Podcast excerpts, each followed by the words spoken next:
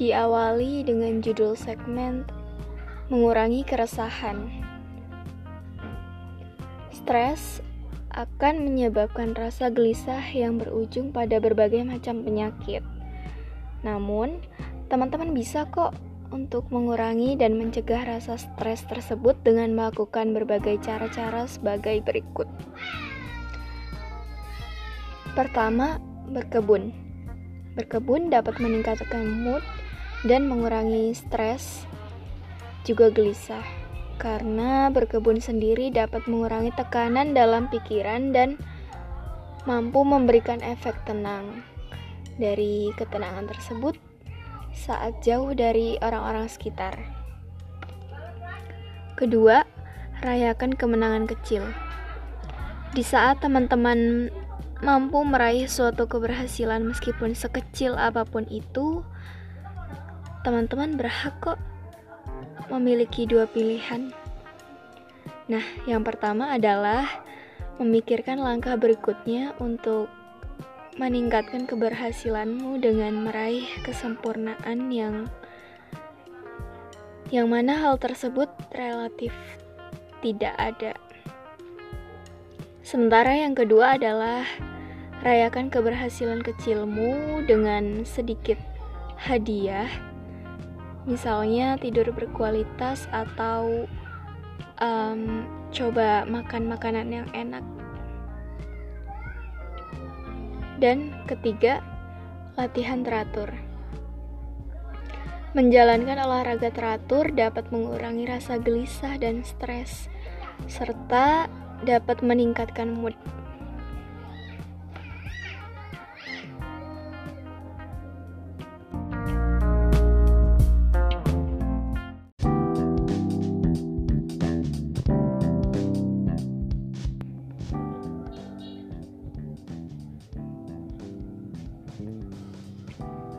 Kali ini aku ingin menyampaikan tentang hidup yang lebih baik. Hidup nyaman ataupun susah akan datang silih bergantinya waktu. Di saat hari-hari terasa begitu berat, kita terkadang bersikap tidak baik, bahkan terhadap diri kita sendiri. Namun, ada cara-cara kok untuk menghindari hal-hal tersebut Satu, lanjutkan langkahmu. Teruslah melangkah. Jangan biarkan keadaan mengubah dari tujuan hidupmu. Ingatlah bahwa segala hal yang kurang nyaman itu hanya bersifat sementara saja. Dua, yakinkan dirimu.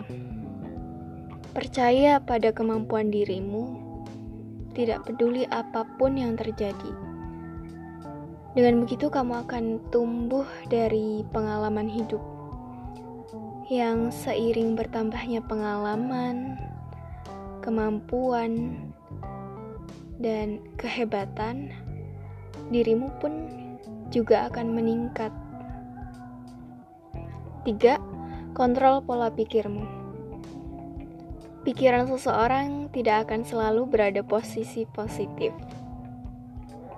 Kenali pemikiran negatifmu dari sekarang dan gunakan akal sehat yang teman-teman punya untuk mengontrolnya. Dan keempat, manfaatkan kekuatan dalam dirimu. Um, yakin bahwa kekuatan dan kecerdasan dapat menolong untuk menghadapi masalah-masalah yang datang. Ingatlah selalu, kalau kamu pernah mengalami masalah yang lebih berat atau bahkan sangat berat di masa lalu. Jadi, dengan demikian, masalah yang sedang kamu hadapi ini tentunya tidak akan terlihat begitu besar bagi dirimu.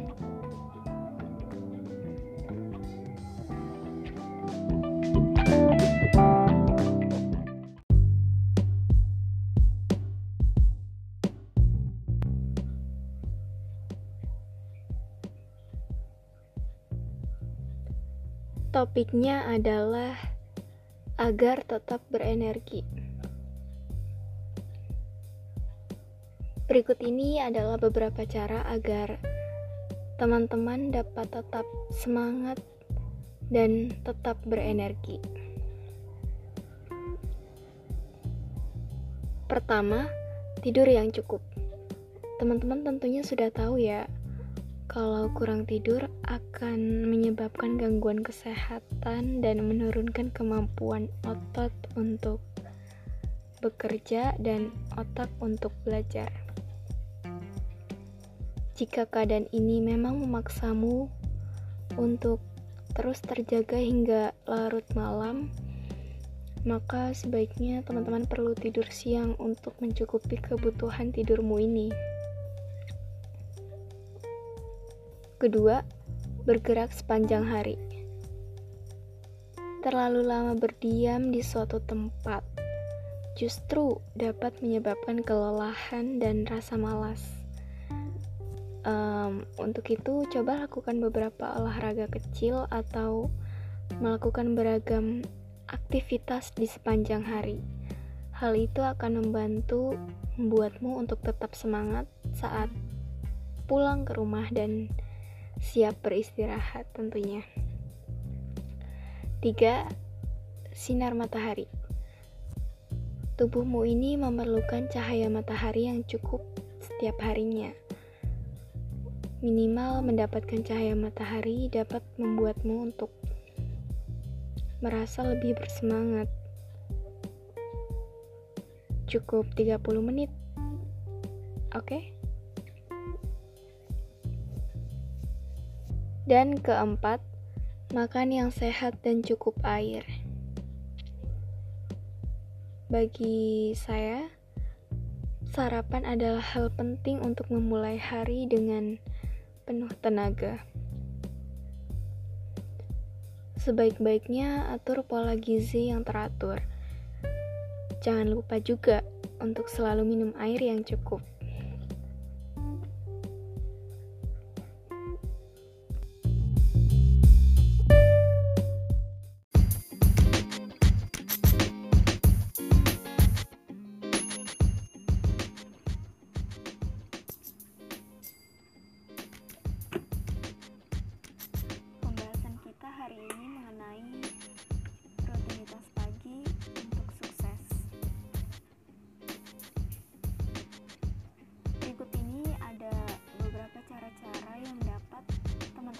Coba di pagi hari agar ke depannya bisa produktif. Satu, bangun lebih awal. Sering kita ketahui ada banyak orang sukses yang selalu bangun lebih awal karena sebagian dari mereka bangunnya di jam 5 atau bahkan jam 4 subuh juga ada dan hmm, jam 3 dini hari pun juga sudah ada.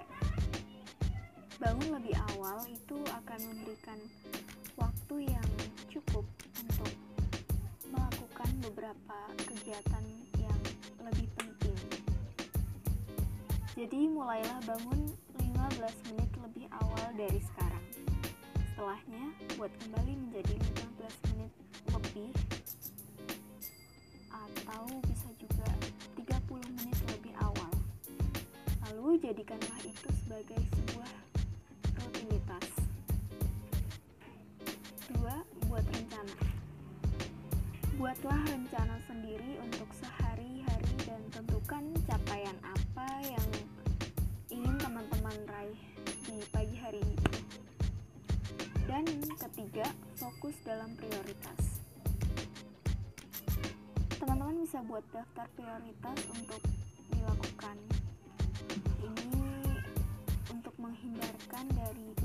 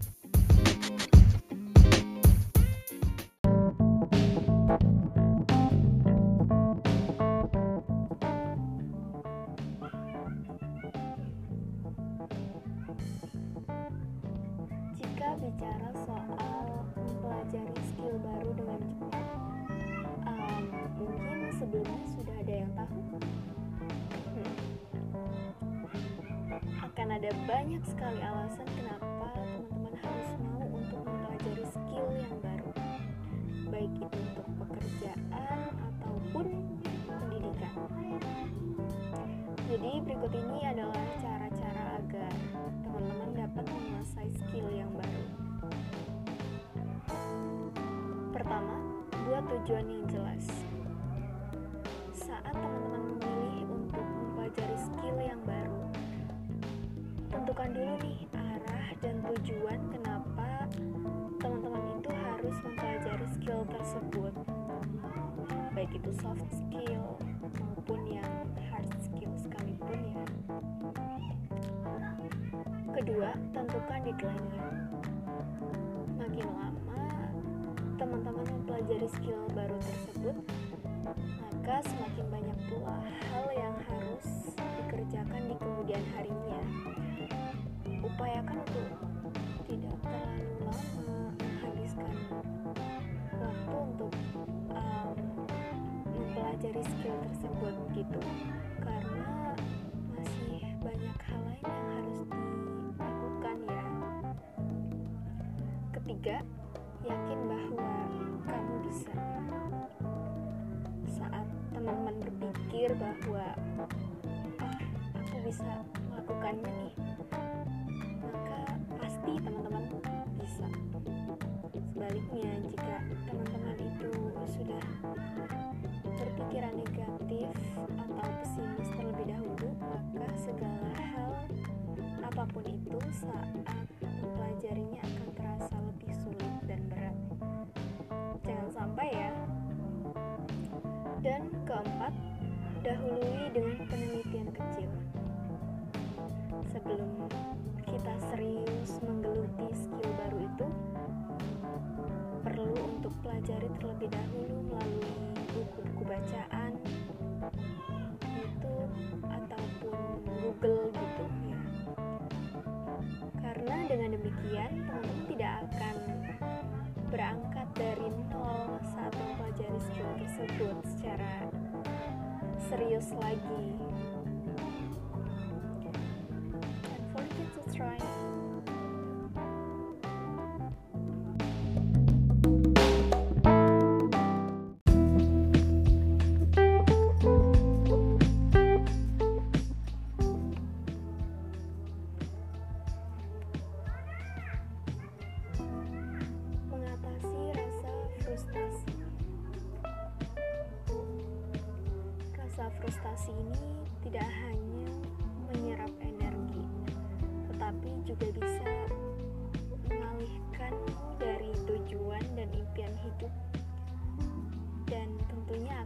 Menghabiskan waktu. Berikut ini cara agar kamu dapat mengatasi rasa frustasi. Satu, menghargai apa yang kamu punya.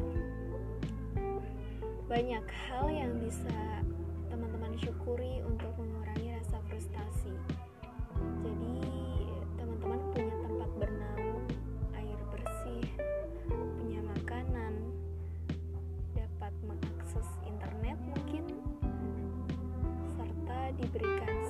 sahabat dan keluarga yang um, mampu mengerti kondisi kita yang sebenarnya. Dan dua, fokus pada yang bisa dilakukan pada saat ini.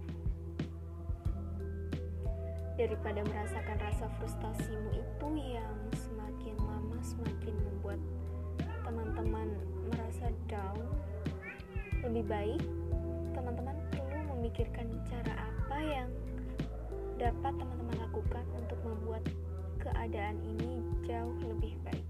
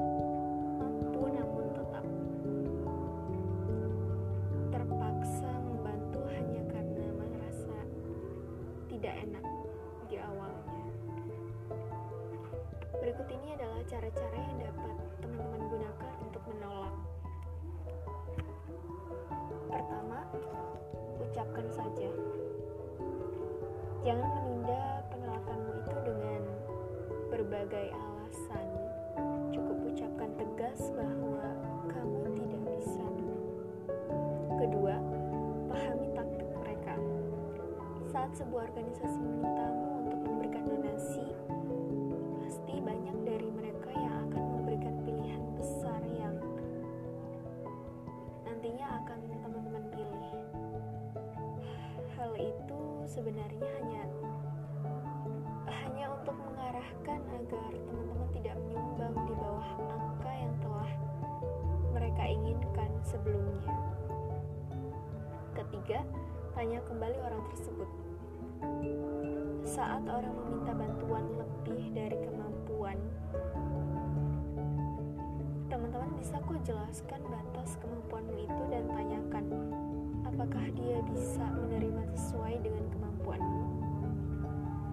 Karena dia yang membutuhkan bantuanmu, jadi jangan biarkan dia yang menentukan segala hal di luar kendalimu itu. Dan keempat, bersikap tegas. Saat seseorang tidak bisa menerima penolakanmu dan dia terus meminta um, bantuan gitu ya,